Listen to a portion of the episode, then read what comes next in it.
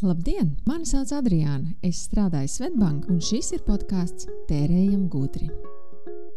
Tērējam gudri ir podkāsts, kas dod iespēju tev tērēt savu laiku gudri. Tā kā šis ir podkāsts un tas ir jāklausās audio formātā, tu paralēli šim vari darīt ko produktīvu, kaut ko, kas šo stundu varētu padarīt par vērtīgu stundu. Un tikmēr tu varēsi klausīties ekspertus, kas runā par to, kā tērēt gudri, pelnīt gudri un ar maziem soļiem doties uz ilgspējīgāku nākotni.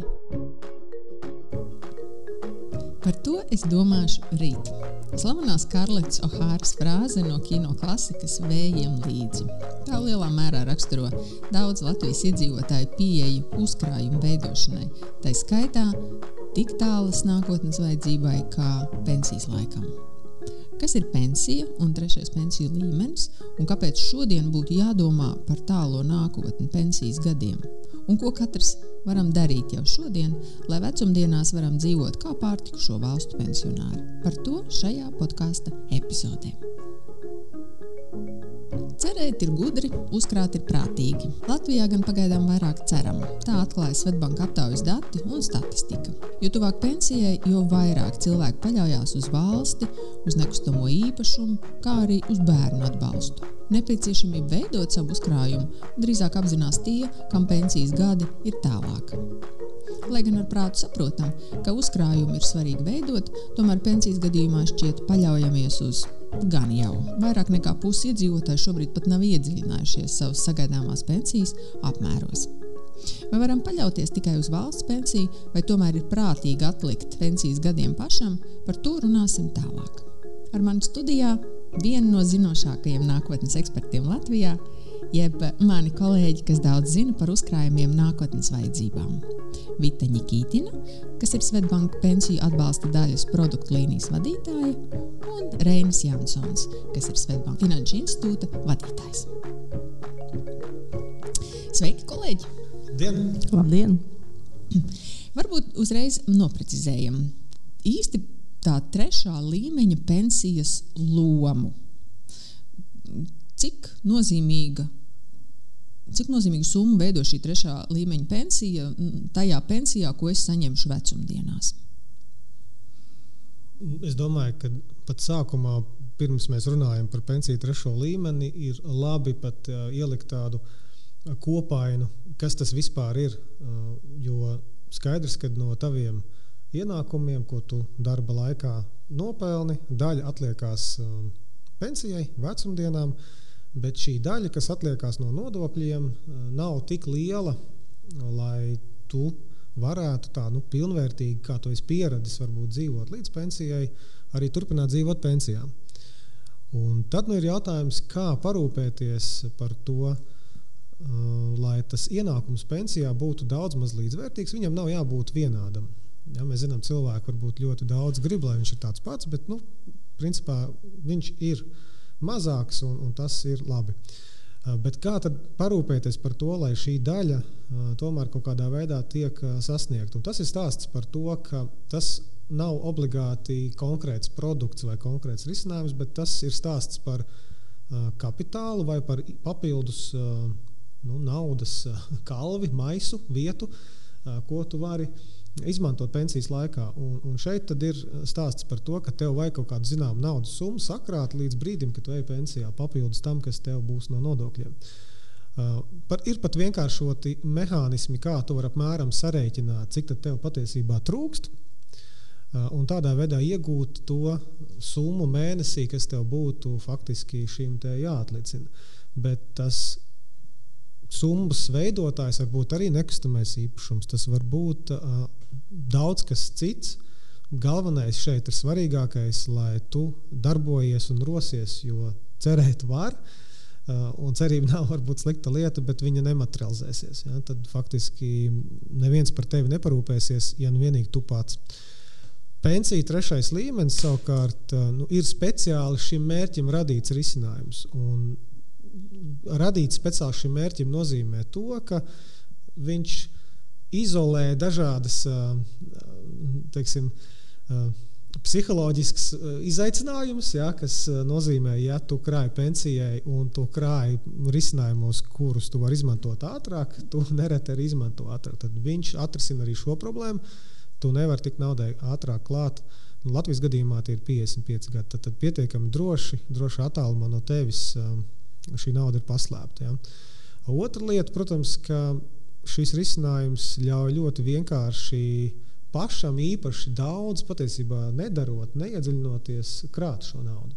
Jo jebkāda cita alternatīva nozīmē pašam daudz iedziļināties, un droši vien par to arī parunāsim vēlāk, ko tas nozīmē. Sekot līdzi, piemēram, tas pats nekustamais īpašums Latvijā ir populārākais cilvēku prāta investīciju risinājums, ko izmantot nu, tur jebkādām vajadzībām, bet, lai to darītu, ir nepieciešams daudz zināšanu, daudz līdzekļu, tas ir dārgi. Tad, tad no, no, no izmaksu viedokļa arī pensiju trešais līmenis ir ļoti optimāls risinājums tam servisam vai pakalpojumam, ko tu iegūsti. Un, protams, nodokļu atlaides Latvijā ir ļoti veiksmīgi strādā šeit, kur mudina tevi veidot uzkrājumus tieši šādā risinājumā. Bet svarīgākais, ka tas nav vienīgais risinājums, kam un kā krāt pensijai, bet tas ir viens no ērtākajiem veidiem, kā to darīt. Bet tas trešais, tu teici, ir pietiekuši vienkāršs mehānisms, nu, kā saprast, cik liela būs mana pensija un kāda ir tā uh, trešā līmeņa loma tajā. Trešais līmenis papildina pirmā un otrā līmeņa uh, uzkrāto pensiju kapitālu. Nu, tāds vienkāršot, ļoti primitīvs, vienkāršot formulu, ko es kaut kad esmu arī rakstījis dažādos rakstos, ir uh, nu, novērtē, cik lielu pensiju cipariski tu šodien, šodien nu, atņemot nost inflāciju un visas šīs lietas, cik lielu summu tu uzskati, ka tev pensijā varētu būt uh, pietiekami. Uh, te būs tāds, nu, tās vidējās formulas, es izmantošu. Ja. Skaidrs, ka Latvijā šobrīd cilvēki vidēji pensijas vecumā dzīvo uh, Jā, nu, kā, kā kurā brīdī rēķina, bet nu, no 16, 18 gadu vidēji. Tad, tad nu, mēs varam nopaļot, lai vienkāršāk rēķinātu. Izrēķināt to summu mēnesī, ko tu esi sarēķinājis, var sareizināt ar 12 un ar gadu skaitu. Nu, attiecīgi, pensijas vecumā dzīvojošo gadu skaitu. Nu, reiz 20. Iegūst kapitālu. Var pieņemt, tas ir absolūts pieņēmums, bet var pieņemt, ka pusi no šī kapitāla tev nodrošinās pirmais, otrais līmenis ar nosacījumu, ka tu uh, no visas savas algas šodien šo te, uh, pensiju maksā. Ja, nu, tas ir stāsts par pašnodarbinātājiem, droši vien vēlāk parunāsim.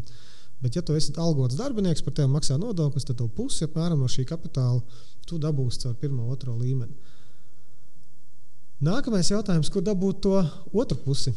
Un varbūt vai tev vajag visu pusi? Jā, runā, kad uh, varbūt pensijas laikā vajag mazāk, tad, tad nu, ir tā otra puse. Uh, kura tev kaut kādā veidā pašam ir uh, jāsakrāj. Tu zini kapitāla lielumu, tad tu vari izrēķināt, cik daudz mēnešu tev ir līdz pensijas vecuma sasniegšanai, un savā ziņā šo kapitālu izdalīt ar šo mēnešu skaitu, iegūst ciparu mēnesī, kas tev būtu jāatlicina.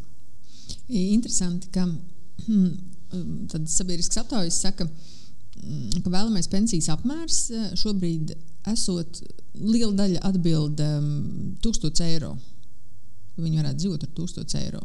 Nu, vidējā pensija šobrīd ir 382 eiro pēc 20. Eh, gada datiem. Nu, tad, ja es gribu 1000 eiro pensiju, tad man vajag 20,000 pieņemot, ka es, nē, bet es dzīvošu ilgāk nekā 20 gadus pensijā. 1000 reizes 12 un vēlreiz 20. Virs 200 tūkstošiem. Mm. Un tad 200 tūkstoši pusi man būtu jāsakrāj. Man būtu jāsakrāj 100 tūkstošus, ja es gribu 1000 eiro. Tā atkal ir stāsts. Viens ir par to, cik lielu pensiju tu gribi. Otrs, eh, varbūt jāprecizē mana stāsta loģika. Jo, ja tavi ienākumi šobrīd nav 1000, bet tavi ienākumi ir 500, tad skaidrs, ka pusi nenodrošinās valsts pensiju.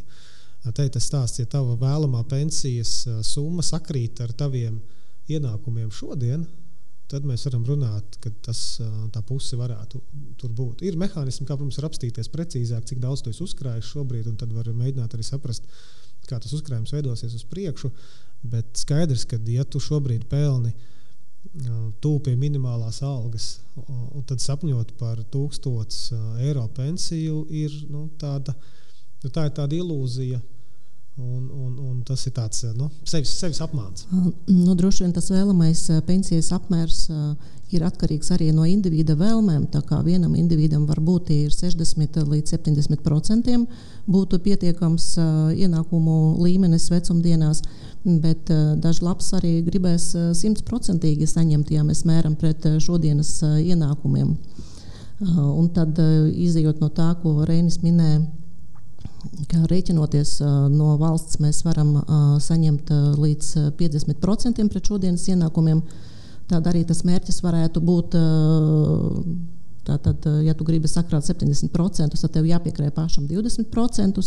Un, ja tu negribi, lai vecumdienās tava alga vispār nesamazinās, saņem tikpat daudz, no tad tev jāpiekrāj vēl 50%. Un, protams, jautājums, kad cerēt uz valsti, var uz bērniem, uz nekustamo īpašumu, var arī cerēt uz to, ka uzkrājums var pagaidīt. Un kā nu, es vēl bišķiņu pagaidīšu, un tad es sākšu uzkrāt. Bet vai šīs cerības realizēsies? Un ļoti labi šie plāni B, pieņemsim, ja plāns B ir cerēt uz bērniem, ka bērni palīdzēs vecumdienās, ir tā, ka pensijas trešais līmenis, viņš dod zināmu mm, neatkarību, brīvību tev, un uh, tu vari būt neatkarīgs no saviem bērniem, jo bērniem būs savi bērni un arī par tiem jārūpējas. Tā kā bērniem būs savi izdevumi. Tā kā pensijas trešais līmenis, tā ir uh, tāds uh, iespēja parūpēties par sevi nākotnē un uh, zināmas neatkarības un brīvības uh, sasniegšanā. Uz bērniem mums īpaši nevajadzētu cerēt. Par bērnu var kalibrēt šo domu attiecīgi apskatīties, cik pats tu šobrīd dod saviem vecākiem. Un vai tas, cik tu šodien dod saviem vecākiem, sakrīt ar to tavu iztrukstošo kapitālu, ko es teicu pirms tam, kad tu rēķini. Ja, kā, tad te ir tas nu, realitātes pārbaudījums, vai tiešām tā ir un cik tev ir jābūt bērniem, lai viņi varētu kopā nodrošināt tavu vēlamo pensijas apmēru. Nu, es kaut kad rēķināju, ka septiņiem.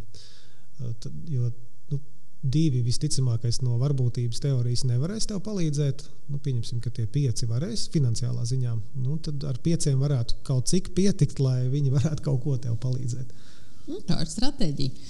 Nekustamais īpašums, tu teici, alternatīva varētu būt nekustamais īpašums. Nu, es nopērku pietiekoši lielu dzīvokli vai, vai māju, es viņu dušīgi maksāju kredītu, es viņu esmu līdz pensijas vecumam izmaksājusi. Bērni visi, jau, protams, ir aizgājuši ap to laiku. Tad es to māju pārdodu, un reku ir mans pensijas kapitāls. Jā, te ir divi virzieni. Viens virziens, kurā dodas cilvēki, kuri saredz to kā peļņas avotu vecumdienās, tad viņi savā ziņā uzkrāja nekustamo īpašumu, nopērkot papildus, eh, vai tas ir dzīvoklis vai nu, kāds mājoklis, ar domu gūt pasīvo ienākumu eh, vecumdienās. Man šķiet ļoti labs virziens. Eh, kā jau minēju, viņš gan ir piņķerīgs, sarežģīts, daudz laika prasošs, bet viņš var būt kā vēl papildus elements, piemēram, tam pašam trešajam, trešajam pensiju līmenim. Uh, Bet, eh, bet jāatcerās, ka šādā veidā krāt naudu ir dārgi. Ko tas nozīmē? Ar laiku tu nopērkot īpašumu, viņu izmaksājot kredītā, piemēram, eh, nu, savā ziņā uzkrājas īpašumu. Ja? Tu no saviem mēneša ienākumiem maksā kredītu, tad lēnām tas īpašums lēnām kļūst tavs. Bet uh, tu par šo uzkrāšanu nevis dabūni procentus, kā parasti tas ir ilgtermiņa uzkrājumos, tā izskaitā pensiju trešajā līmenī, bet samaksā procentus. Tātad, uh, Šis savā veidā ir tāds dārgs veids, kā krāt, bet uh, nav slikts no ienākuma gūšanas viedokļa, jo pasīvs ienākums ir ļoti labs ienākums, īpaši vecumdienās. Un ko mēs sakām par cerēšanu uz valsti? Tur visādas teorijas izskan. Pašlaik izskatās, ka tie, tās personas, kuras pensionējās, tad no pensiju pirmā un otrā līmeņa var saņemt ienākumu kurš varētu sastādīt 50 līdz 50% pret šodienas ienākumiem. Bet, ja mēs skatāmies uz priekšu, tad tas paudzes, kuras ir dzimušas gadsimta sākumā, tad 2060. gadā tas vecuma pensijas apmērs varētu būt tikai 25%. Un līdz ar to jauniešiem tieši tagad ir īstais laiks, kad sāk domāt par saviem privātajiem uzkrājumiem, lai viņi varētu tos nepieciešamos 70% vai 100% no šodienas ienākumiem attiecīgi pensionējoties saņemt. Nu, nezinu, vai jaunieši to apzinās, un to mēs noskaidrosim. Bet man ir vēl viena lieta, par ko mums ir svarīgi parunāt, pirms mēs turpinām. Mēs šo epizodi ierakstam pandēmijas laikā. Un, protams, tie ierobežojumi nāk ar tādu ekonomisko ietekmi, un vienai daļai sabiedrības mazinās ienākumi. Kā būtu tagad pareizi rīkoties ar, ar maniem pensijas uzkrājumiem? Pie scenārija, kad es esmu krāju pensijai, es katru mēnesi veltu tai kādu summu. Kas būtu tas eksperta padoms? Pirmais, apsveicam, ka tu to dari. Un tas jau arī ir ļoti daudz. Diezgan daudz cilvēku neveic papildus uzkrājumus. Tas ir pirmais jau super. Ļoti labi, ka tu veic uzkrājumus. Bet, um, protams, kad um, pensijas krāšanas uh, laiks ir gana garš. Ja, tas lielākoties ideālā gadījumā, ja tas ir 40 gadu laiks, tad, tad protams, ātri sāc jau iesākot darba gaitas, tu sāc atlikt naudu pensijai. Izcils variants, viegli būs sakrāt. Um, 40 gadu laikā krīzes būs vairākas. Ja, mēs jau pēdējo 12 gadu laikā redzam divas, ja, tādas diezgan būtiskas. Bet šīs ir lielās. Pa vidu ir bijuši arī mazāki tādi finanšu tirgu um, satricinājumi. Ja, tas, tas notiek, un, un tas arī notiks uz priekšu. Um, kā teikt, krīzes nāk un iet, ja, bet pensiju uzkrājums un, pieeja viņai ir jābūt tādai pietiekami konsekventai un, un, un nelokāmai. Uh, proti, ja tu veido regulārus pensiju uzkrājumus, tad vislabākais ir to turpināt darīt arī tad, kad ir krīze. Kādēļ? Tādēļ, ka līdz krīzei katrs tavs pensiju, katra tava pensiju iemaksa faktiski tiek ieguldīta vērtspīros, jo tuvāk krīzē jau relatīvi pa augstāku cenu. Krīzes brīdis ir atlaižu brīdis. Ja tev tā nauda ir vajadzīga pēc 15, 20 gadiem, proti, ja tu ej pensijā pēc tik ilga laika, tad tev šī ir unikāla un lieliska iespēja iegādāties to pašu par lētāku cenu. Tad, tad kas notiek, ja tu pārtrauc veikt iemaksas krīzes brīdī? Tu faktiski maksā ar nākotnes uh, uzkrājumu pieaugumu. Tad, tiem cilvēkiem, kuri būs turpinājuši maksāt, būs lielāks uzkrājums uh, pret tiem, kuri būs pārtraukuši. Nevis tāpēc, ka viņi būs vienkārši mazāk iemaksājuši, arī tāpēc, bet arī tādēļ, ka viņi nebūs iegādājušies šīs te, vai veikuši šīs iemaksas pensijā par lētākām cenām. Tad, tad viņu tirgus kāpums, kas seko pēc krīzes, viņus ietekmēs ļoti pozitīvi. Ja, tās iemaksas ļoti, ļoti labi atpelnīs atpakaļ zaudēto. Tā kā jā, turpināt regulāras iemaksas arī krīzes laikā, tas ir ļoti izdevīgi un tas palielinās kapitālu nākotnē.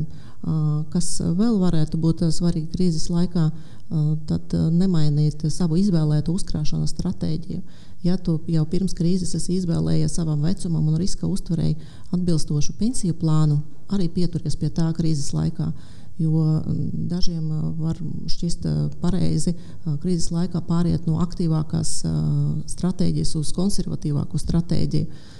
Tādā veidā mēģinot pasargāt savus uzkrājumus, bet kas notiks tālāk? Nu, aiz katras krīzes vēsturiski sekoja atkūsnis un tirgus kāpumi. Un līdz ar to ļoti viegli palaist to momentu, kad ja tirgi ies uz augšu, un tu joprojām esi gados jauns cilvēks, tev ir 11, vai 20 gadi, vai 30 vai vairāk līdz pensijai, un tu joprojām esi konservatīvajā plānā, tad var palaist to momentu, un līdz ar to uh, tu um, pazaudēs to iespēju pelnīt uh, vairāk tieši tajā brīdī, kad tirgi sāks augt. Parasti viņi sākas augt ļoti strauji, un uh, neviens nezina to momentu, kad arī uh, šīs uh, atkūsnes arī sāksies. Līdz ar to, ja tu izvēlējies uh, aktīvu pensiju plānu, viņš ir atbilstošs.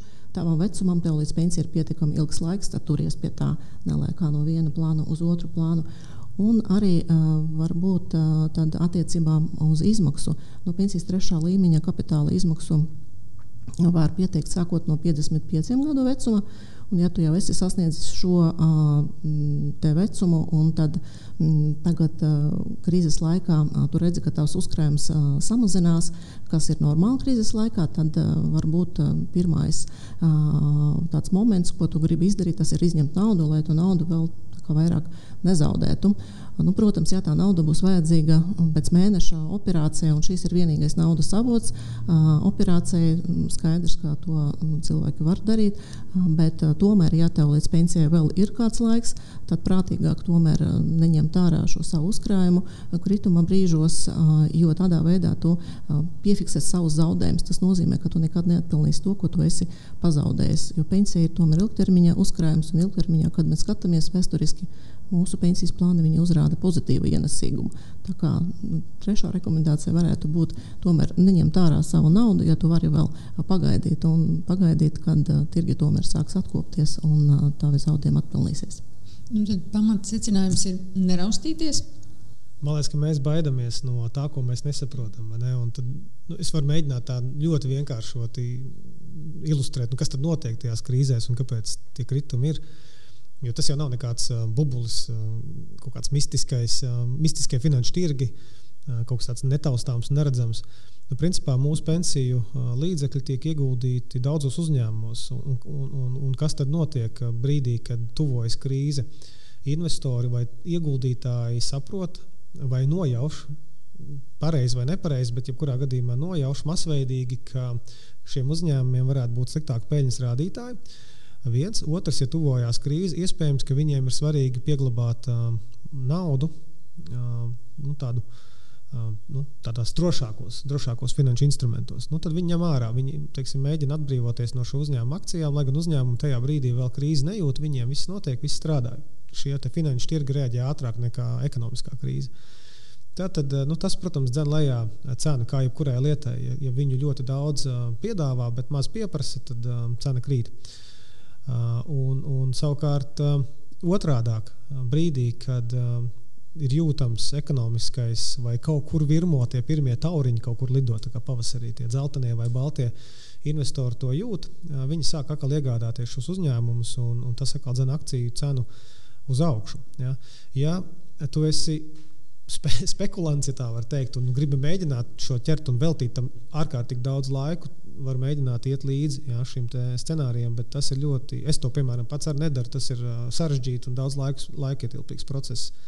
Uh, līdz ar to vienkāršāk ir nogaidīt. Mums ir lielisks piemērs iepriekšējā krīze, kur uh, ir nu, pat jau laikam, 11 gadi, nu, atkat, ko ņem par atskaites punktu. Uh, tad, tad, ja tu esi pareizi ieguldījis uh, pensiju, gadījumā pareizi nozīmē aktīvs plāns, ja tev līdz pensijai ir vismaz 15 gadi un, un vairāk, tad nu, mēs skatāmies, ka desmit gadi pagājuši kopš iepriekšējās krīzes, bet uh, tirgi no ļoti dziļiem uh, kritumiem ir atkopušies ar uzviju pirms šī gadījuma.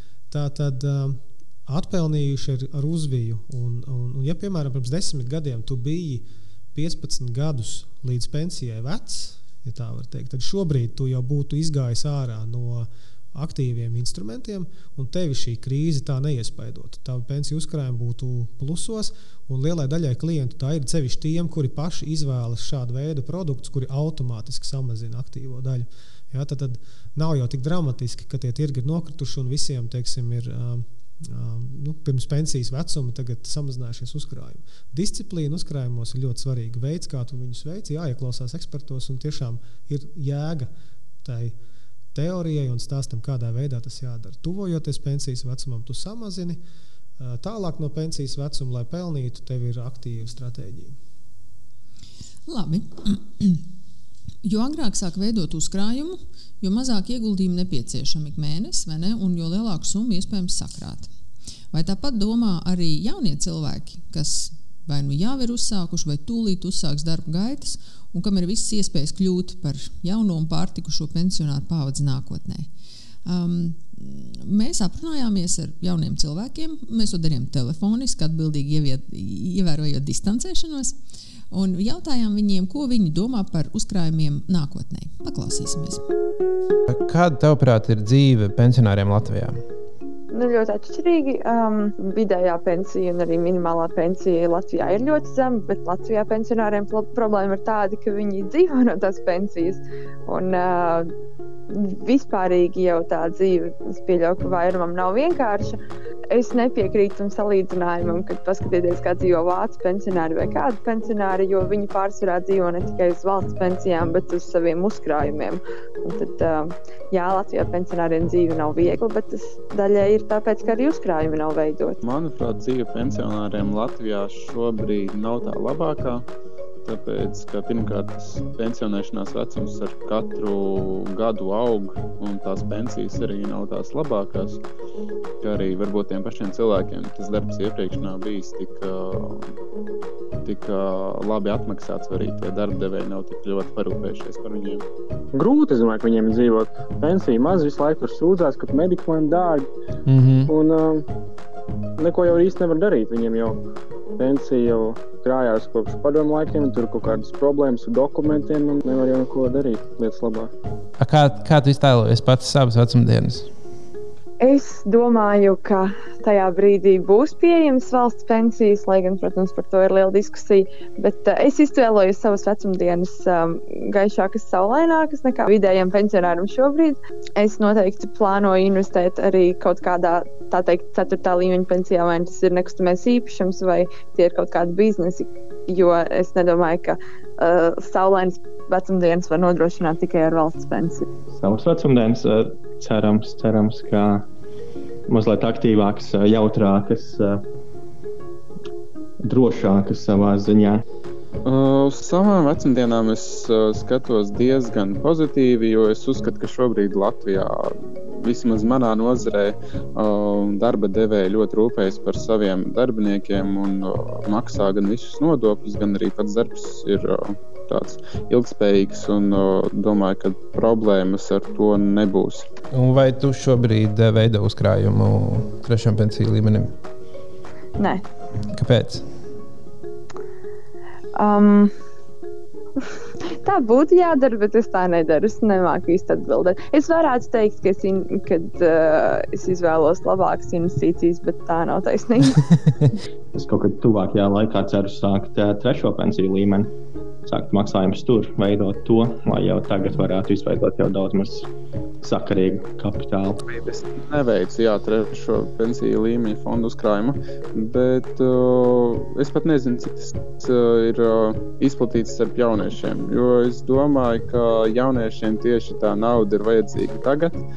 Un, uh, skatoties arī piemēram, uz uh, vecāku gadagājumu cilvēkiem, piemēram, vecākiem vai vecākiem, redzēt, ka tā nauda jo vecāks kļūst, jo tā nauda mazāk ir vajadzīga nekā tad, kad tu esi jauns, kad tu tieši uzsāc savas uh, studiju gaitas, vai arī darba gaitas, vai arī sāc dibināt ģimeni. Jo ir, ir doma to, kad uh, ņemt trešo pensiju līmeni un uh, vēl kaut kādus uzkrājumus taisīt. Es jau nesen dabūju algas paaugstinājumu, tā kā ir iekrājumi sākušies, un, bet uh, līdz ar šo krīzi uh, nesanāca aiziet uz banku, noskaidrot, kā man pareizi rīkoties es esmu jauns, man to naudu vajag tagad, un par vecumdienām domāšu pēc tam. Jā, nu te ir tas uh, stāsts par to kāpšanu kalnā. Ja tu kāp lēznā kalnā, tad ir vienkāršāk. Ja tu kāp klintī, un parasti klints ir sasniedzot, nu labi, negribu nevienu biedēt, bet uh, pāri pat 45, ja tu esi, tad jau ir klints, nu, lēznāk vai, vai, vai mazāk lēzana, bet principā klints, un tad vajag diezgan liels iemaņas, lai uzkāptu kalnā. Tad, tad pat aprīkojumu es teiktu. To, tad, nu, protams, ka var pagaidīt, bet tas nozīmē, ka būs vienkārši grūtāk, mazāk laika sagatavoties. Nu, tas ir kā noskriet maratonu. Es domāju, daudz to dara, daudz skrien. Tu vari mēģināt skriet, negatavojies, bet uh, tas var radīt sekas, nu, vai arī vienkārši nenoskriet. Nu, tomēr, ja tu sagatavojies, tad tu ar lielāku pārliecību uh, noskriesi. Un, un pie kam, ja tu pat sagatavojies un nenoskrien, tad jebkurā gadījumā ir pluss. Tu esi daudz, daudz gatavāks nekā iepriekš. Kā, nu, jebkurā gadījumā te, te stāsts par tām uh, alternatīvām, ko daudzi jaunieši, un ne tikai jaunieši, domā, ka es labāk veidošu biznesu, vai, vai es labāk uh, nekustamo īpašumu pirkšu, vai vēl kaut ko citu darīšu, bet uh, tas ir ok, to visu var darīt, bet uh, plāns ir A būtu veidot uzkrājumus regulārus. Ja nu gadījumā tev ar šo te alternatīvu nesanāk, tad tev vismaz ir uzkrājums. Jo diezgan nu, biznesā tas risks ir daudz, daudz lielāks, ka tev nesanāks. Un, un, un man liekas, ka no biznesa pat skatoties, šis ir tiešām brīnišķīgs ceturtais pensiju līmenis, bet ja mēs pavērtēsim Latvijā tādu uzņēmēju, tad jautājums, vai viņiem paliek pāri Jo es pensiju saskatu tādu pasīvu ienākumu. Proti, tu esi dzīves laikā sakrājis naudu, un tad tu vari tādā ziņā nedaudz atvilkt elpu, un tev ir nauda par ko dzīvot pensijā. Ja tu veido biznesu šobrīd tā, ka viņš ir vēl joprojām tavs vienīgais ienākuma avots, un tev tikai ar to pietiek un pāri nepaliek, tad visticamākais vecumdienās būs līdzīgi. Tev būs bizness, kurš tev radīs tikai ienākums tik daudz, cik tu pats tam liks iekšā enerģiju, bet iespējams, ka tajā laikā vairs negribēsies tik ļoti, un varbūt pat nevarēs to enerģiju likt iekšā. Tāpēc, ja arī biznesa, tad jādomā par biznesu tā, ka viņš kļūst par pasīvu ienākumu, ka tu vari nodot vadību citiem, vai arī viņa kapitāls un, un vērtība ir tik liela, ka viņi var pārdot un, un gūt atkal tādā veidā ienākumus. Un pastāv arī stereotips, kā dzīvot vajag šodien, ka mēs gribam visus labumus gūt šodien, bet pensijā pensionāriem tik daudz jau nevajag. Un, kāpēc es minēju, ka tas ir vairāk stereotips? Stereotips, jo arī vecumdienās tās vēlmes nekur nepazūd. Mēs nemainamies, mēs esam tie paši cilvēki, kas mēs esam šodien.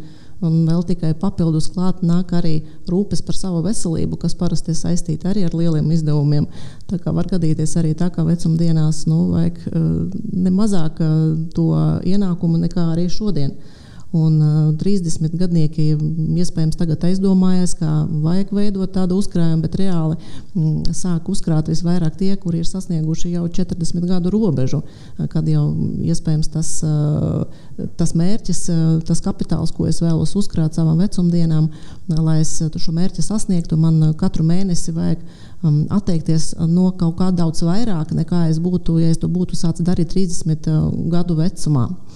Un, protams, varbūt šķist, ka tas ļoti grūti šodien atteikties no kaut kāda mazumiņa, jo es gribu šodien to visu izmantot un atteikties no tā mazumiņa savā, savā nākotnes es labad. Bet es domāju, ja mēs to izdarīsim, tad noteikti tas nākotnes es būs ļoti pateicīgs. Un to vajag darīt nekavējoties. Jā, jo laikam uzkrājuma veidošanā ir izšķiroša nozīme. Sākot krāt agrāk, ar mazākām summām ir iespējams uzkrāt vairāk. Un tad man nāk prātā tas teiciens, ka līdz, vislielākās bailes ir domājot par pieņēmumiem. Respektīvi, man no tiem 10 vai 20 eiro ik mēnesi ir grūtāk atteikties, domājot, ka man viņi nebūs, nekā tad, kad es sāku krāt, kad man viņi vairāk automātiski manā kontā neienāk, un es īstenībā pat nepamanu, ka man tie 10, 20 eiro nav. Tā kā tas ir vairāk tāda uzsākot to krāšanu, tas ir daudz vieglāk nekā domājot par krāšanu. Nu, man liekas, līdzīgi treniņiem, ka tu nevari, varbūt pat arī nevajag sākt uzreiz masīvi. Ja, teiksim, um, trīs reizes nedēļā, piecas reizes nedēļā treniņus, bet uh, var sākt pakāpeniski. Tu nesporto pirms tam, un es sportoju, tad tu vari sākt ar vieglākiem treniņiem, pakāpeniski slodzi palielināt ar uzkrājumiem ir līdzīgi. Arī var sākt ar mazāku summu, lai gan tu apzinājies, ka tā mazākā varbūt ne līdz galam tev šobrīd uh, ir tā īstā summa. Bet ļoti pakāpeniski, nu, nevis entajos gados, bet tomēr pakāpeniski palielināt to uzkrājumu, pierast pie domas. Ļoti labi tu pateici, jā, ka tu jau ar laiku pat pieņem, ka tās summas nav, un tu viņu pat neizjūti.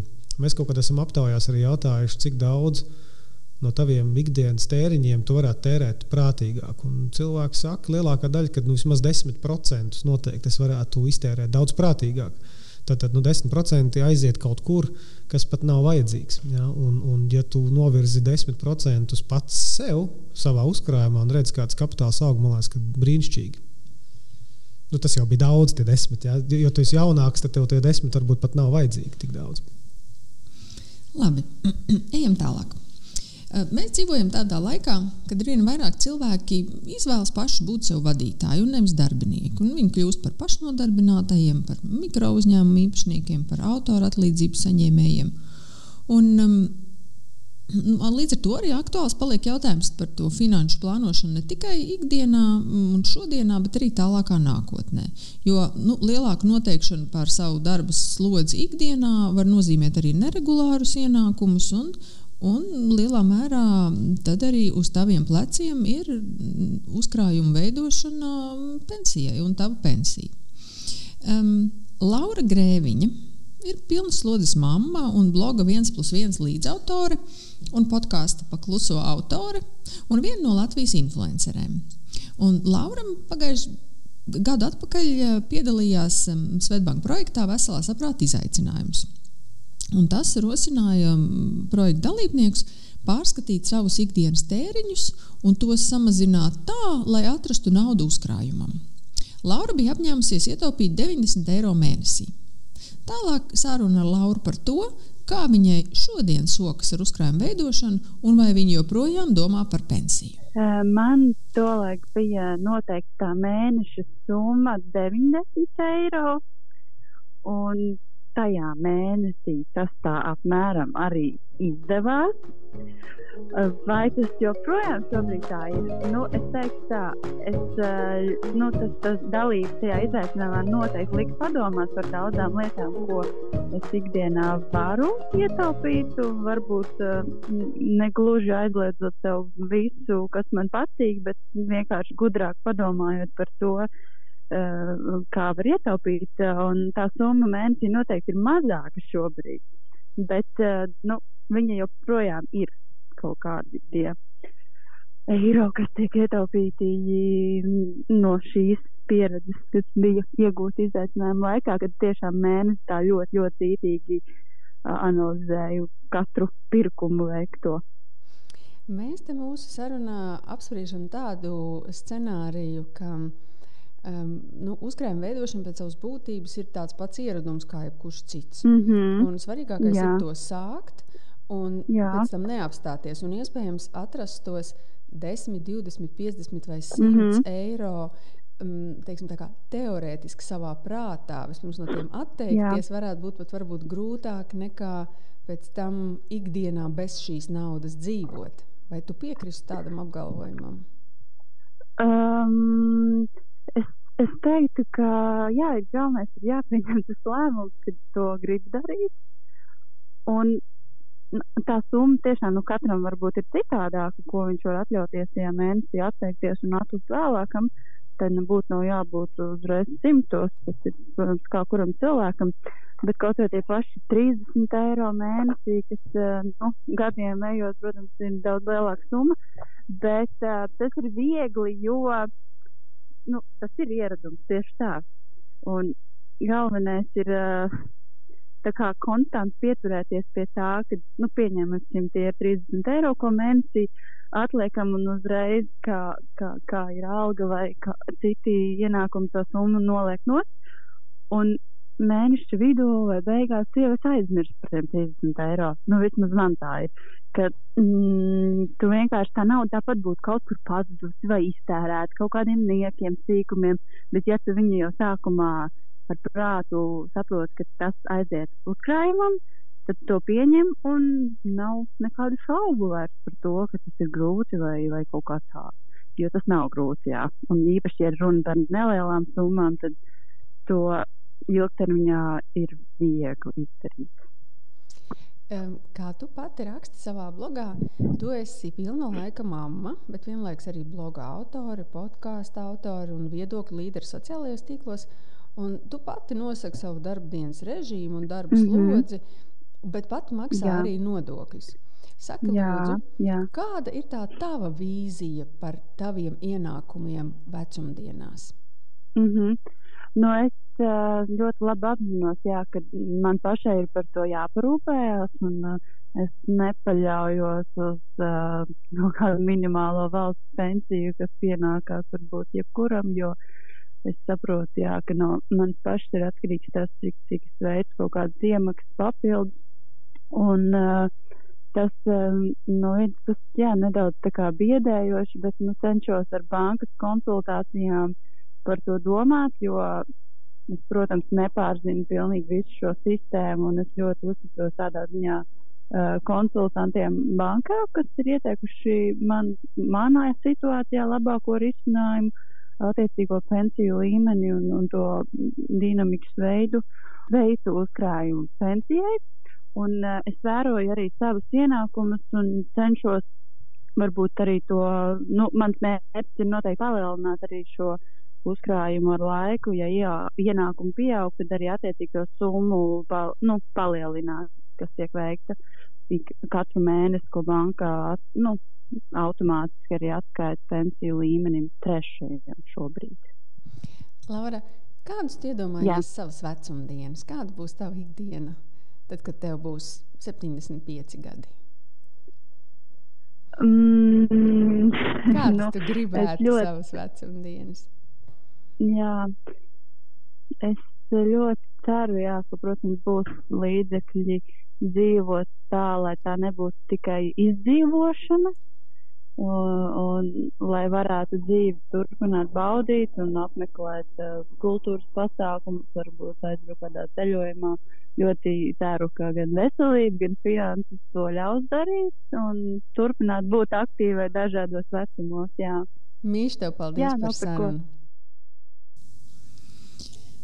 Tas, ko es sadzirdēju šajā sarunā, par ko ir vērts mm, drusku vairāk parunāt, mm, tās komforta summas atrašana.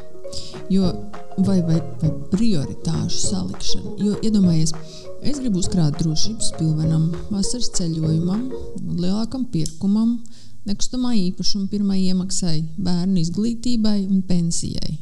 Kā man salikt tās prioritātes un tās summas sadalīt starp uh, dažādiem uzkrājumiem, jo visdrīzāk es nevaru atļauties uzkrāt visiem mērķiem. Galva iesāpējās, tik garš saraksts tev. Bet taisnība, tā, tā ir tā ikdiena un tā ir tā dzīve. Un, te atkal, nu, laikam jau garlaicīgi, vai ne?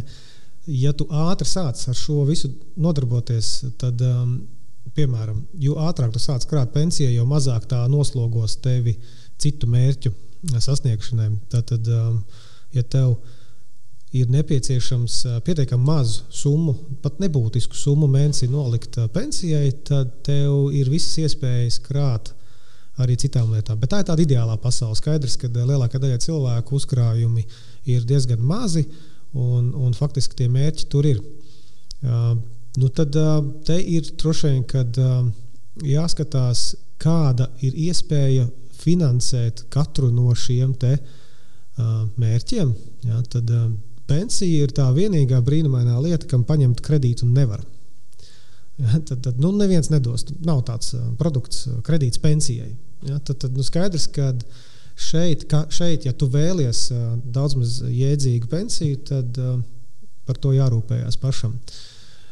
Savukārt ceļošana no prioritāšu viedokļa varētu pat teikt, ka viņu, viņu noteikti nevajag likt uh, pirmajā vietā, bet uh, ceļošana ir arī ļoti svarīga. Tas ir tas emocionālais līdzsvars, kas tev ir vajadzīgs. Ja tev ceļošana ir svarīga, tad skaidrs, ka ir jāatrod līdzekļus arī šim. Bet svarīgi, ka tu ceļo tā, ka tu to vari atļauties. Nu, ļoti bieži gribās ceļot, un ir, ir lieli sapņi, bet jautājums, kā vārdā un uz kā rēķina tas notiek. Uh, no prioritātēm, protams, ka bērni, viennozīmīgi bērnu izglītība ir svarīga lieta, bet šeit arī ir alternatīva. Un te, un te es zinu, ka man arī no finanšu institūta puses un viedokļa nav viennozīmīgi pareizi, nepareizi. Var krāt bērnu izglītībai, bet var arī finansēt bērnu izglītību. Jā, šīs ir divas alternatīvas, kas katrai ģimenei un katram ir jāvērtē pašam. Protams, ka daudz labāk ir bērnam sakrāt, jo tad bērns neiet jaunā dzīvē ar saistībām. Un tas, protams, ir ļoti labi. Bet, uh, nu, protams, ka var arī iet otru ceļu, un tad iespējams uh, bērnam dot kaut kādu audzinošo momentu. Ja, kad viņš ir paņēmis kredītu, tad viņa atbildība pašam ir atmaksāt par savām izglītībām, mācīsies labāk un tā tālāk. Iespējams. Ja, tā kā, no tādām prioritātēm skaidrs, ka pensija, es teiktu, ka tomēr numur viens un ļoti ātri ar to tikt galā, ļoti ātri sākt krāt, un, un, un tad tā summa būs mazāka. Nu, un tad pakārtot nākamo no tām savām dzīves vērtībām, kas tev ir. Jo skaidrs, ka drošības pilvens, par ko es tagad uh, nepieminēju, ir ļoti, ļoti svarīga lieta. Īpaši, ko mēs redzam tieši brīdī, kad ir krīze.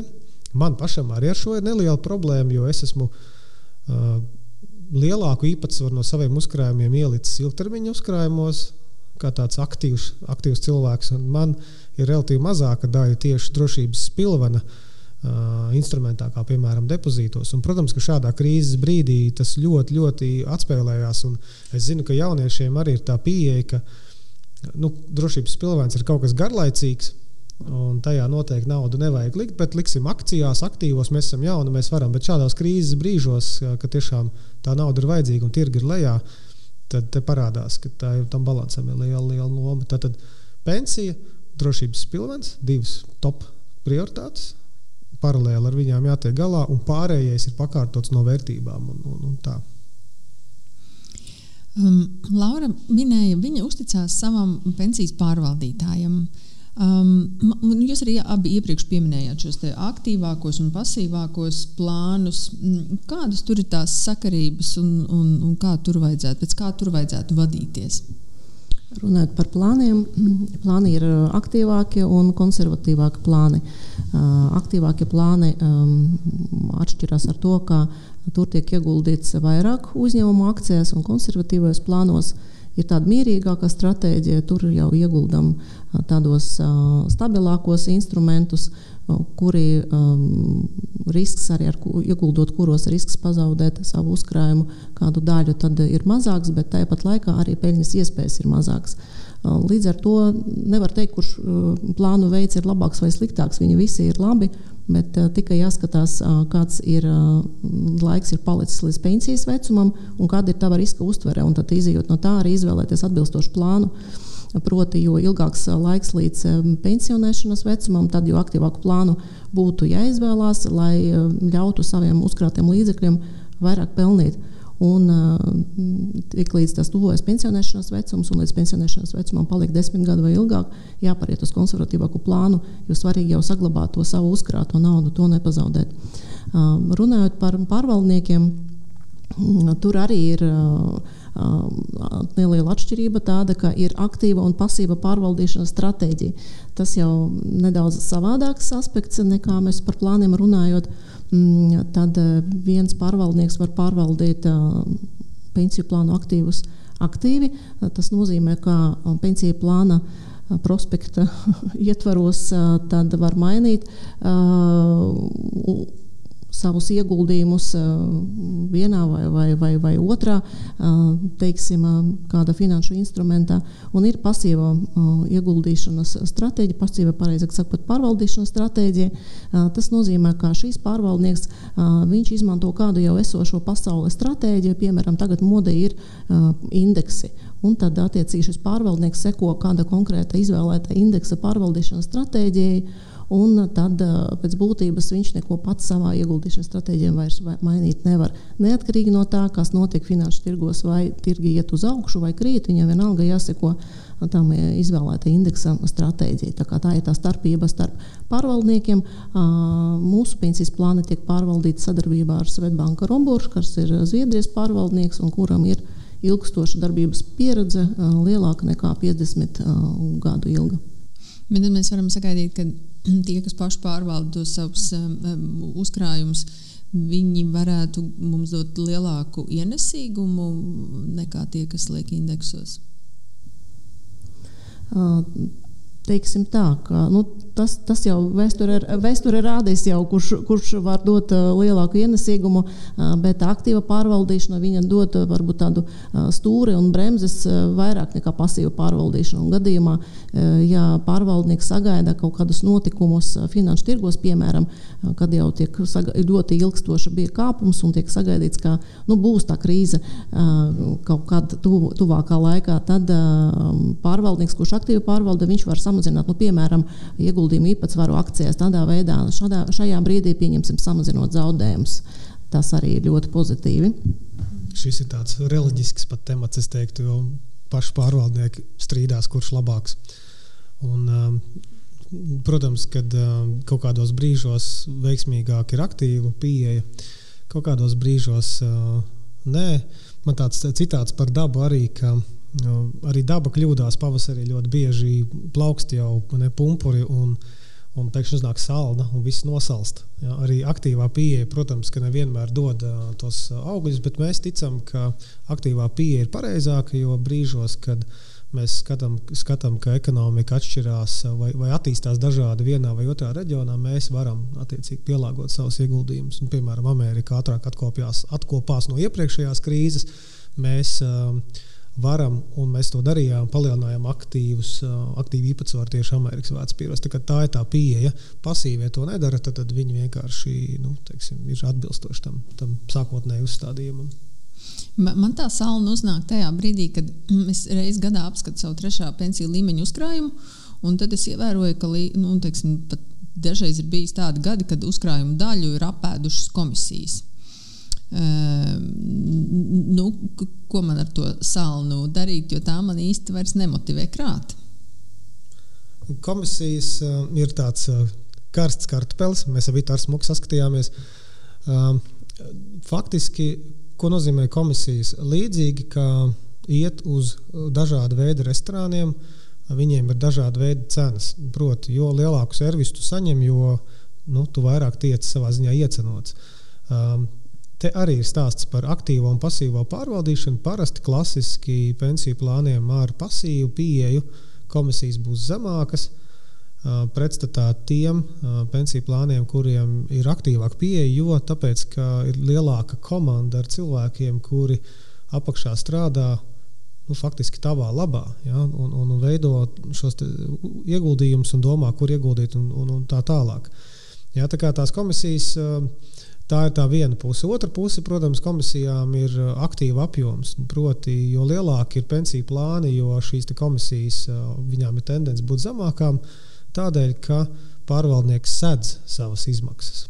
Un savukārt mazākiem pensiju plāniem ir ļoti uh, nu, sarežģītāk teiksim, nodrošināt uh, mazākas komisijas apjomus. Bet komisijas pēc būtības ir nu, teiksim, atlīdzība par šo, te, par šo te uzdevumu, ko, ko tas veids. Labi, atpakaļ pie Lauras stāstītā. Vēl divas lietas. Tad ar ko Laurai ir jārēķinās? Ja viņa nav algotā darbā, tad viņai ir nepastāvīgi ienākumi. Um, ar ko viņai jārēķinās, domājot par savu pensiju? Nu, formula manējā, ja, sākotnējā principā ir atbilde, bet uh, es vēl pirms atbildu šo pieķeršos Lauras uh, un arī daudzu citu tēzēju par valsts pensiju. Uh, valsts. Uh, manā skatījumā nav tāda valsts pensiju sakarā. Jo valsts ir uh, savā ziņā starpnieks, kurš uh, ņemot vērā tavas vājības un tavu pašu nespēju sakrāt pensijai pietiekamā apjomā, šo uzņemās savā veidā kontrolēt. Uh, jo pensija, kuru tu saņem no valsts, nu, nav jau kaut kur radīta vai veidota vai nu, kaut kādā veidā mākslīgi radīta. Ja? Tā ir tava paša algas daļa, kuru tu katru mēnesi saņem, un daļa no šīs summas tiek novirzīta tavai pensijai, tavai nākotnes pensijai. Un te ir svarīgi arī saprast, ka šķiet par mazu, ok, Bet ko tas nozīmē? Tas nozīmē, ka ir jāpalielina tās apjoms, kas no tavas algas tiek novirzīts pensijai. Tātad tas faktiski nozīmē nodokļu celšanas jautājumu, un, un tas vairs nav tik vienkārši. Tad, ja tu gribi lielāku šo daļu no savas algas, lai tiek novirzīta tavai pensijai, tas nozīmē nodokļu celšanas jautājumu. Tāpēc nav tāda valsts. Valsts ir tāda nu, starpnieks, ja, palīdz tev sakrāt šai pensijai. Un, um, piemēram, Lauras gadījums, protams, ir ļoti svarīgs no tā aspekta, ka ļoti daudz cilvēku Latvijā darbojās dažādos nodokļu režīmos. Tiem, kas strādā algotu darbu, un nu, par, par viņiem maksā visus nodokļus, savā ziņā ar valsts šo daļu viss ir kārtībā, jo no visas algas smuka daļa aiziet. Precīzi 20%, ja tā var teikt, ja, no, no, no brutto ienākumiem aiziet um, tā vai pensijai. Valsts daļas pensijai. Savukārt pašnodarbinātajiem ir iespēja, piemēram, maksāt uh, sociālos nodokļus nevis no visa ienākuma, ko tu saņem, bet no minimālās algas apmēra, kas ir šobrīd 430. Un pēc uh, datiem uh, no uh, vidas mēs redzam, ka faktiski lielākā daļa no pašnodarbinātiem ir izvēlusi šo summu.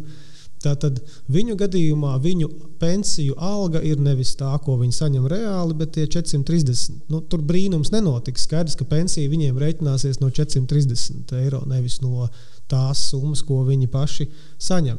Ja, teiksim, pašnodarbināta persona grib lielāku pensiju, tad attiecīgi ir jāizvēlas arī šī te, jā, nu, apdrošināšanas iemaksa lielāka, no kuras tiek maksāts sociālais nodoklis. Bet svarīgi saprast, ka tas jau nav, tu jau neatdod kādam citam.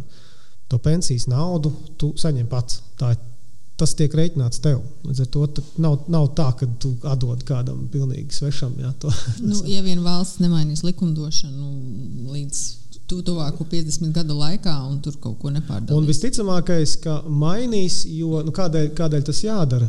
Tādēļ, ka um, pensiju sistēma savā ziņā sastāv no divām daļām. Viena ir tā summa, ko tev rēķina, kas ir smuka un vienkārši matemātiski no tavas algas 20% aiziet tavam pensiju uzkrājumam.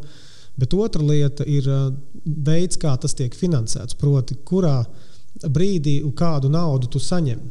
Ja, un tad šobrīd lielāko daļu, kas ir pirmais līmenis, tu tomēr saņem, ka tu esi pensijā no tiem cilvēkiem, kas strādā tajā brīdī. Tad, tad uh, ir jābūt pietiekami daudz cilvēkiem, lai viņi var nodrošināt to aprēķināto pensiju, kas tev ir aprēķināta tavā darba mūžā. Un, nu, jā, cilvēki dzīvo ilgāk ar katru gadu, kas ir labi, kas ir pozitīvi. Un tāpēc tas, ko dara valsts, viņi mēģina skatīties to balansu starp to, cik cilvēki ir pensijā un starp to, cik cilvēki strādā, lai varētu tiem pensionāriem tajā brīdī maksāt pensijas. Un šeit tas uh, instruments ir pensijas vecuma celšana, ko mēs šobrīd redzam Latvijā. Tas tiek īstenots. Šim priekšā ir visa Eiropā, kur vēl tas netiek darīts. Uh, tur arī brīnumi nenotiks. Un, un tas ir tikai likumsakarīgi, ka proporcijas starp darba laiku un pensijas laiku viņai ir jāsaglabājās kaut kādā zināmā robežā. Um, Laura minēja, ka vecumdienās viņa gribot dzīvot ar komfortu. Nu, vidējā pensija Latvijā šobrīd ir 382 eiro, un daudz pensionāri pelnītās atpūtas vietā ir spiesti knapināties, lai varētu atļauties finansēt reāli savas pamatvajadzības. Um, mēs aprunāsimies ar pensionētu angļu valodas profesori no Zviedrijas. Uh, par to, kādi ir viņas pensijas gadi un uh, vai ir kāda sakarība tajā, kā uzkrājuma veidošana savulaik viņai ļauj izbaudīt uh, pelnītās atpūtas augļus tagad. Uh, my name is Solveig Grana. Uh, I'm Professor Emerita at Karlstad University in Sweden and Professor Emerita, that's the title a professor gets after they retire. Uh, so I retired uh, four year, almost almost four years ago, uh, but I am still.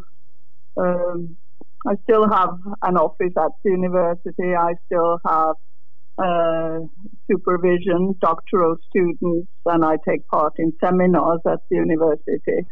Uh, even though I've, I don't have a, a regular monthly pay, but uh, it, it, means that I'm still partly active. So, what are your um, days like now when you are retired? Oh, it's uh, quite a privilege to be able to decide, you know, how much I want to work and how much I want to spend on my other interests. So I, I actually enjoy being able to decide what I do, and I, I have a lot of interests and, and hobbies. Um, I do a lot of handicraft. Uh, I read a lot. Um, my husband is a very good singer, and I play the piano, so we make music together. Um, we go to the gym. Um, I run, I jog, uh, and uh, I have five grandchildren, so uh, I go to see them on and off. So it's you know it's a, a wonderful life, really. Nice to hear that. Uh, in our podcast today, we are talking about different types of pensions, like retirement pension from the state, occupational pension from employer, and also private pension savings. Uh, what kind of pensions are you relying on? Uh, I have all these in combination. Uh, so uh, uh, that means I'm I'm also financially pretty well off. Also that's that's very nice uh, and inspiring. But um, saving for the pension obviously that has been your case. When did you start it and and were you saving your all uh, working life?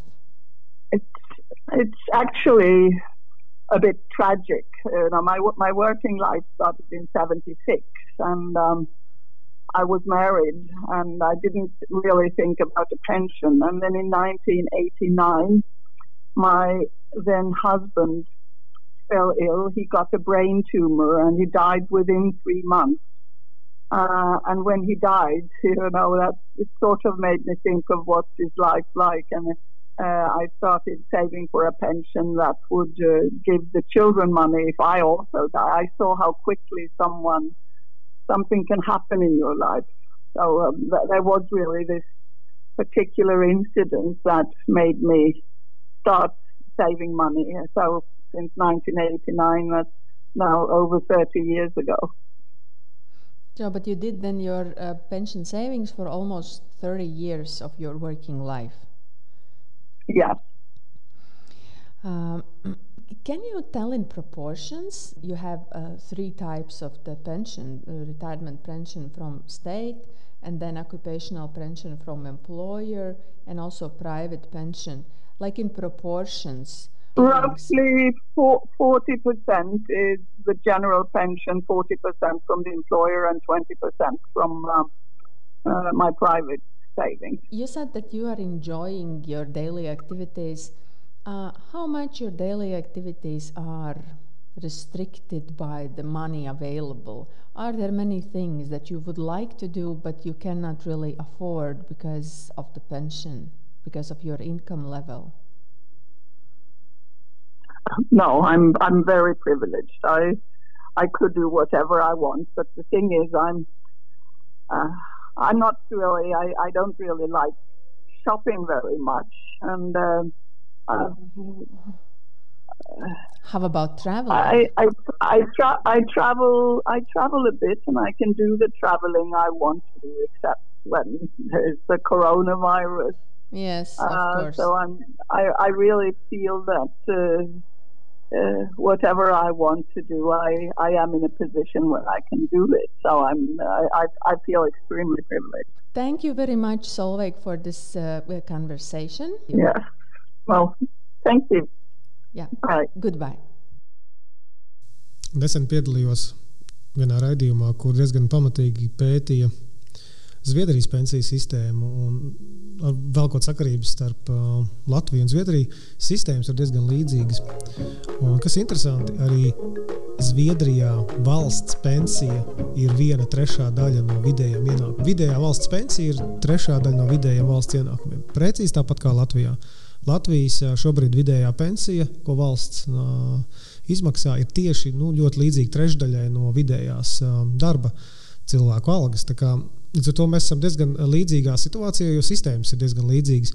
Atšķirība ir tikai tāda, ka Zviedrijas ekonomiskais stāvoklis vai situācija ir krietni labāka. Tad cilvēkiem ir lielāki ienākumi, viņiem mazāka daļa no algas, no ienākumiem aiziet pamatvajadzību sekšanai. Latvijā savukārt nu, faktiski lielākā daļa no ienākumiem aiziet pamatvajadzību sekšanai.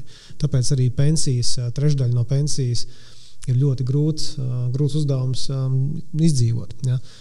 Kāpēc tā situācija ir tāda gan Zviedrijā, gan Latvijā, un kādēļ tā pensija ir trīsreiz mazāka nekā vidēji ienākumi? Tā atbilde ir nu, faktiski meklējama tajā ceļā, kā mēs nonākam līdz pensijai. Proti, mm, uzkrājumi veidojās no tavas algas tajā brīdī, kāda tev ir. Bet jo ātrāk tev aug alga, jo tā uzkrājuma summa kardināli mainās. Nu, mēs sākām strādāt, es atceros, ar 180 eiro lat, latiem, atvainojos, lielu algu. Jā, nu šobrīd, protams, tas cipars ir savādāks, un, un, un, un vidējā alga Latvijā kopumā ir augusi vairākas reizes. Tātad tās pensiju iemaksas, kas tika veiktas no tām pirmajām uh, algām, ir ļoti maza uh, pret tām, kas tiek veikta šobrīd. Uh, Tad nu, var teikt, ka tas vidējais algas lielums, no kura tu veici savas pensiju iemaksas, ir starpība starp pirmo algu un šodienas algu dalīts ar divi. Nu, tā, tā varētu teikt. Un tas arī veido, un tas ir visur. Tāpēc arī tā pensija ir mazāka. Lai šo risinātu, viens protams, variants ir celt nodokļus, kas nav variants, jā, jo tas jau šobrīd ir uzņēmējiem ļoti grūti uz pleciem nesams jautājums. Protams, tās valstis, kuras stagnē vairāk, jocīgi skan, vai ne, savā ziņā mazāk cieši pensionā, pensijas no šī, jo tās algu kāpums ir lēzanāks un līdz ar to arī starpība būs mazāka. Jā, bet te man liekas, ka mēs pieskārāmies un tajā sarunā arī par to darba devēju lomu. Un, uh, Zviedrijā savukārt šīs uh, labās pensijas nodrošina tas, ka papildus uh, valsts nodrošinātajai pensijai darba devēji maksā visiem. Praktiski tas ir tirgus prakse, ka jebkurš darba devējs maksā papildus vēl pensiju privātajā uzkrājumā. Un šis ir tas trūkstošais, tā trūkstošā daļiņa, kas trūkst mums Latvijā. Un, un prieks varbūt, ka tas sāk parādīties, kad ir vairāk uzņēmumu arī Latvijā izvēlas, bet parasti tas notiek brīžos, kad darba tirgus ir tāds karstāks un lielākoties. Un tad uzņēmēji meklē papildus motivācijas vai bonusus, lai noturētu un piesaistītu darbiniekus. Un te ir tāds, tāds mazs āķis, jo vairāk mēs paši pieprasīsim šīs lietas, ka mēs gribam, lai mūsu darba devējs maksā mūsu pensijai, jo vairāk tas būs iespējams. Jo ļoti bieži ir tā, ka darba devēji pat uh, pajautā, nu, ko tad jūs vēlētos mūsu labuma grozā. Un, un tur ir dažādas opcijas, un ļoti bieži uh, pensiju uzkrājums neparādās kā, kā prioritāte no pašu darbinieku puses. Tā ir tāda savā, savā veida kājā iešaušana. Ja? Tu labāk izvēlēsies tūlītēju labumu kaut kādu, ko tev piedāvā, nekā tādu daudz racionālāku. Ja? Tā kā te ir tas ieteikums katram tiešām pieprasīt uh, savam darba devējam, nu, labi, šī, šobrīd uh, krīzes situācijā tas būs sarežģīti, bet uh, ikdienā pieprasīt uh, savam darba devējam šādu te, uh, papildus bonusu. Nu, mums Svetbanka maksā darba devēja pensiju. Uh, cik tā plaša prakse ir Latvijā? Kādam no jums ir priekšstats? Dotā brīdī nav uh, plaša, ļoti plaša praksa, bet arvien vairāk uzņēmumi interesējās uh, par iemaksām savu darbinieku labā pensiju fondā, uh, jo tas ir lielisks uh, darbinieku uh, motivācijas uh, rīks un arī palielina uzņēmumu konkurēt uh, spēju un stiprina uzņēmumu tēlu tirgu. Kā atbildīga darba devēja. Un mēs kā Svetbanka arī šādus risinājumus nodrošinām. Arī darba devējiem palīdzam maksāt pensijas. Jeb Nu, jā, jā, pensiju fonda gadījumā, protams, bet ne tikai Svetbanka. Lielākās uh, bankas, praktiski nu, ieguldījuma pārvaldes sabiedrības un pensiju fondi jā, piedāvā šādas, šādas iespējas. Uh, un te, te, protams, arī mūsdienās palīdz faktiski arī tāds ilgspējas stāsts, jo daudz uzņēmumi domā par, par, par ilgspējas jautājumiem, un, protams, kad rūpes par darbinieku ir viena no kategorijām uh, vai posmiem ilgspējas um, stāstā. Un pārticis, eh, labi nodrošināts darbinieks arī vecumdienās, nu, iekrīt šajā te, eh, viņu tādā, tādā uzņēmēju interesu lokā. Tas ir, tas ir tiešām ļoti labi. Es gribētu tādas vecumdienas, kā ir Salveigai. Tad kas man būtu jāatcerās no mūsu šodienas sarunas, lai es varētu dzīvot Salveigas vecumdienas? Nu, izņemot to klepu. Jā, ne, nu, ir tādas nu, dažas atziņas, varbūt, kas ir jāpaņem līdzi no šīs sarunas. Punkts viens, tu esi saimnieks savām vecumdienām. Un tas, man liekas, ir pats galvenais. Tu pats esi atbildīgs par to, cik liela būs tava pensija, izprot situāciju un, un veido plānu. Pilnīgi noteikti viens no tādiem ieteikumiem ir atkal jāvelk līdzības ar sportu, man ļoti līdzīga tēma. Sportot vienam ir grūti, ne visi to var. Un meklē dombiedrus, skaties, kas var tev arī palīdzēt šajā klubiņā iestāties, jā, kad meklējiet kopā cilvēkus, kuriem arī gribās uzkrāt un gribās labas vecumdienas, un tad kopā būs daudz, daudz vienkāršāk, nu, teiksim, morāli vienkāršāk veidot šos uzkrājumus. Nu, jā, un, Pilnīgi noteikti, tad, kad tu esi jau šajā vecumdienu posmā, tad meklē papildus iespējas, kādā veidā paralēli tam, ko tu esi izdarījis darba laikā. Ja, tad kādas ir vēl iespējas papildus gūt ienākumus, ko Latvijā pensionāri lielākoties arī dara. Ja, bet te ir svarīgi arī tajā mūža laikā domāt par tām prasmēm un, un spējām, ko tu varēsi izmantot. Tad, kad tu būsi vecumdienās, kādā veidā savas prasības tu varēsi kapitalizēt. Vai tas ir lasīt lekcijas, vai nu, tās iespējas, es domāju, daudz un dažādas. Un šis ir labs uh, temats uh, kādam, kādai citam stāstam un citai epizodei. Bet atgriežoties vēl pie tā plāna, kas bija tās sakarības, kas mums ir jāpaturprātā šobrīd. Tātad mazāka summa, ja tu sāc krāt agrāk, tad tu vari tikt cauri ar mazāku ikmēneša summu. Es vēl pateiktu, ka pensijā mēs būsim visi, un tāpēc uh, uzkrājuma veidošanā tā ir prioritāte numur viens. Un, uh, nav jāsaka ar lielām summām, tiešām pietiek sākt ar mazumiņu. Uh, un svarīgi to izdarīt uh, tajā brīdī, kad tu par to esi aizdomājies, jo laiks tiešām skrien ļoti ātri. Un to ir jāizmanto. Un, piemēram, ja tagad mēs pelnām 700 eiro mēnesī, nu kāds pelna šādu algu, tad attiecīgi tad, tad, novirzot pensijas trešā līmenī līdz 5%, tie ir 35 eiro mēnesī, un tad eh, ļoti labi varbūt var vilkt paralēlis. Nu, kā tev jāatsakās, eh, pieņemsim, ja tu notērē visu un dzīvo no algas līdz algai, eh, lai šo iemaksu veikt. Nu, iespējams, tas ir viens kafejnīcas apmeklējums mēnesī. Uh, un, tā kā svarīgi ir sākt, un, protams, arī kā, neapstāties, turpināt uzkrāt arī jebkuros apstākļos, arī kad ir, kad ir krīze. Un prast izvēlēties aktīvāku un mazāk dinamisku fondu, Sākumā vairāk aktīvākā un pensijas vecumam tuvojoties, pārslēgties uz tādu konservatīvāku. Tieši tā. Nu, kas mums vēl bija kādi secinājumi? Es esmu prasīgs. Un es esmu prasīgs attiecībā uz savu darba devēju. Jā. Jo arī viņš var pielikt um, savu plecu. Ar, ar uzkrājumiem var tā darīt to regulāri un sistemātiski, un viss būs kārtībā. Brīnišķīgi. Lai mums visiem labas vecumdienas! Tieši tā. Piekrītam, jā, un dis disciplīnas eh, jautājums šis eh, arī no vienas puses varētu būt. Un arī nu, ļoti pozitīvi, ja mēs tādu ieradumu varam eh, sevi izaudzināt un pieturēties pie tā.